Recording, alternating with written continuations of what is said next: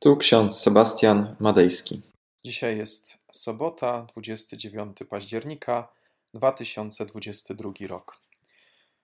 W książeczce z Biblią na co dzień znajdujemy słowa z księgi proroka Izajasza, 49 rozdział, 13 werset.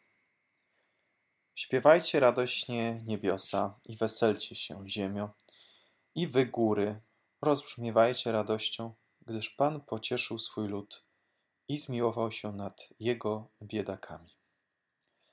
Oraz drugi list do Koryntian, pierwszy rozdział, trzeci, czwarty werset. Błogosławiony niech będzie Bóg i Ojciec Pana naszego Jezusa Chrystusa, Ojciec miłosierdzia i Bóg wszelkiej pociechy, który pociesza nas we wszelkim utrapieniu naszym. Dzisiejsze fragmenty z Pisma Świętego mówią o radości, o pocieszeniu. Boże pocieszenie nie jest takie jak ludzkie pocieszenie. Boże pocieszenie jest z zewnątrz, przychodzi ze Słowa Bożego, jest całkowicie inne od ludzkiego pocieszania, które często jest nietrwałe, rozpuszcza się w morzu wylewanych przez nas łez. Przychodzą ludzie i próbują nas pocieszyć, jednak nie znajdujemy pocieszenia w tych słowach wypowiadanych przez ludzi.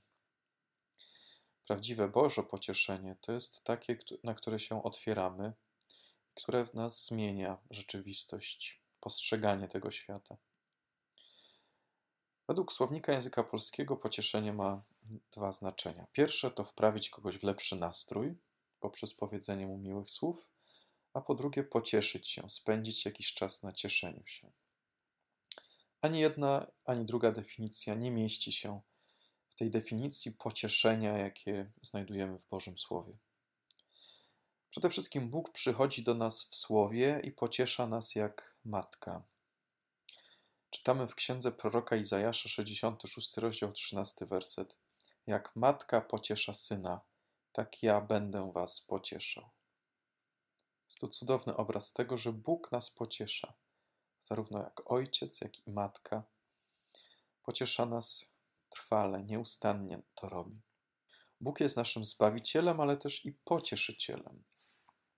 I gdy potrzebujesz pocieszenia, pocieszaj innych. Kiedy twój zbiornik pocieszenia jest pusty, idź do ludzi, nie zamykaj się w sobie. Tym różni się ludzkie pocieszenie od pocieszenia Bożego, że zawsze jest szczere, pełne prawdy. Jest taka scena w Ewangelii, kiedy Jezus ogłasza swoim uczniom, że musi już odejść do Ojca. Uczniowie chcą go jeszcze zatrzymać dla siebie, chcą jak najwięcej z nim spędzać czasu. Ale wtedy Jezus im mówi, że jeśli nie odejdę, pocieszyciel nie przyjdzie do was. Chrystus mówił wtedy o Duchu Świętym, Duchu Prawdy, Pocieszycielu. Bez prawdy o nas samych nie ma pocieszenia, tylko prawda daje nam pociechę. Tymczasem w naszym smutku zamykamy się często na innych, zamykamy się na prawdę o nas samych i o Bogu. Każde pocieszenie, jakie do nas przychodzi ze strony ludzi, odbieramy jako fałsz, takie czcze gadanie. Wydają nam się tylko to jako takie miłe słowa, które mają nas sprawić lepszy nastrój, a tymczasem Boże pocieszenie jest tym, które jest oparte na prawdzie. Doskonale wie to każdy, kto był pocieszany. Jeśli cierpimy, nic do nas nie przemawia. Nikt nie jest w stanie nas pocieszyć. Jednak tylko cisza i milczenie tych, którzy siadają obok nas w naszym brudzie, w naszym popiele, jak w tej historii o Hiobie, to daje nam odrobinę choćby pocieszenia, czyli tego spędzonego czasu z tymi, którzy nas kochają. Nawet jeśli nie potrafimy siebie pocieszyć słowami, to Bóg pociesza nas przez swoją obecność. My często tej obecności nie dostrzegamy, no bo jesteśmy zamknięci na Boga, zamknięci i skupieni na naszym bólu, na naszym cierpieniu, i to jest normalne, to jest ludzkie.